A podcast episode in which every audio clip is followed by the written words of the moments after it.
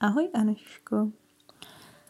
Doufám, že už jsi se nemohla dočkat dalšího uh, seriálku Zábava a švanda s farmakologií na téma antibiotika. Už jsme si prošli betalaktamy, cefalosporíny a, a makrolidy a nyní se podíváme na aminoglykozidy. Tak, aminoglykozidy jsou hodně důležitá antibiotika protože se používají na hodně závažné infekce a jsou to jako šikovní borci na zvládání těch infekcí.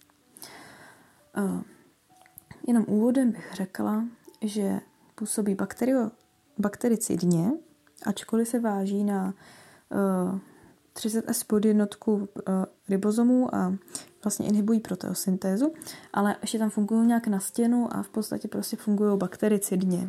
Jo? To znamená, že jsou jakoby rychlejší a šikovnější ve zvládání těch kritických stavů. A dobrý je vědět, že podávají se IV, jo, per os nemá nic smysl, protože se většina, no vlastně všechny, se nevstřebávají gitem. Jo, takže prostě dávají se IV pro nějaký účinek. A mm, je tam třeba taková zajímavost, že fungují hodně dobře uh, společně s petalaktami. Dávají se jako dost s výhodou, protože ty betalaktamy potenciují účinek ničení té stěny bakteriální, takže aminoglykazidy a uh, betalaktamy jsou velcí kámoši. Působí na tu stěnu, ničí, bourají, prostě parádička. Uh, obecně aminoglykozidy působí na gram negativy hlavně. Jo, gram negativy dávají se IV na hodně závažné infekce.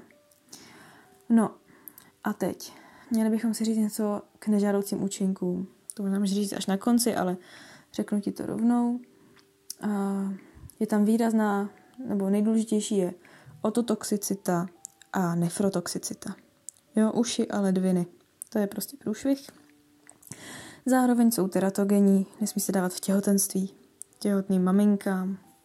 Takže jsou teratogenní, ototoxicita, nefrotoxicita, Uh, obecně platí, že spíš je jakoby blbý je dávat dlouho, že hlavně ta toxicita hlavně záleží na čase toho podání, než na dávce. Takže když už je musíš podat, tak je dobrý to nabombit, dát tam velkou dávku a pokud možno co nejkratší dobu. Ta dávka nemá až takový vliv, spíš jako ta doba.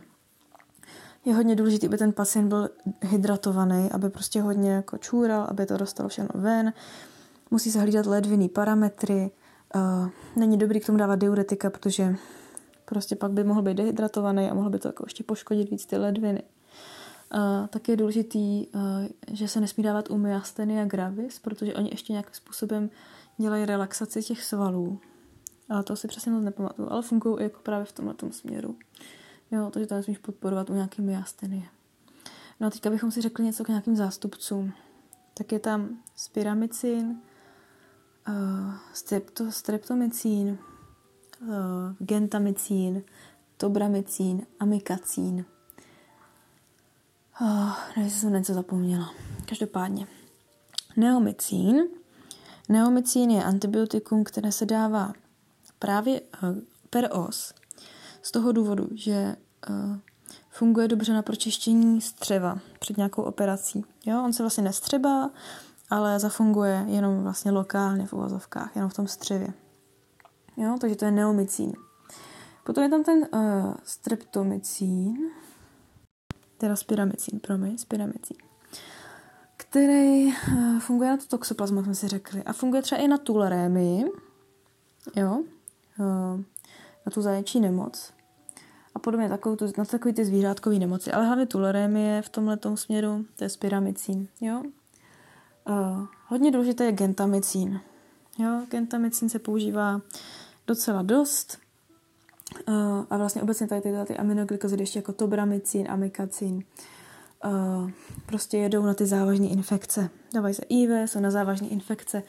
Může to být sepse, nějaká závažná pneumonie, gastrointestinální nebo intraabdominální infekce, uh, všechno možný, možná i nějaká no, prostě všechny tady tyhle ty eh, prostě uh, hospitalizovaný lidi, kteří mají jako závažný průběh.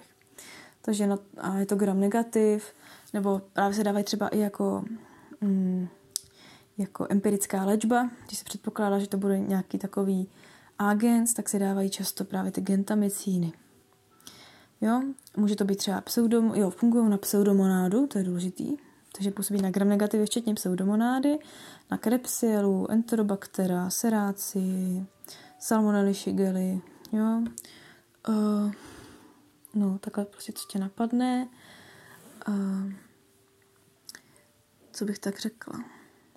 Myslím, že tobramicín se dává v inhalační formě u uh, těžkých infekcí s pseudomonádou u pacientů s cystickou fibrózou. Jo? Tam je důležité vědět, že cystická fibróza je prostě predisp- predispoziční k pseudomonádě, ale to si asi pamatuješ z mikračky. Takže na to by si použila tobramicín. Jo? Jinak teda gentamicín, amikacín, tobramicín, pak je tam ten streptomycín, kanamicín, neomicín. Aha, byl to streptomycín, tak promiň, jsem kecala. Streptomycín. A já se furt totiž pletu s pyramicín a streptomycín, tak doufám, že to někde neřekla špatně. Když tak si to trošku kontroluji po mně, ale to by byla snad asi jediný tady můj problémek hlavní. Zase jsou uh, teda hydrofilní, ty antibiotika. To znamená, že špatně jdou třeba do jako CNS. Jo? A tak pokud máš nějakou sepsi nebo tak, tak prostě je to ideální.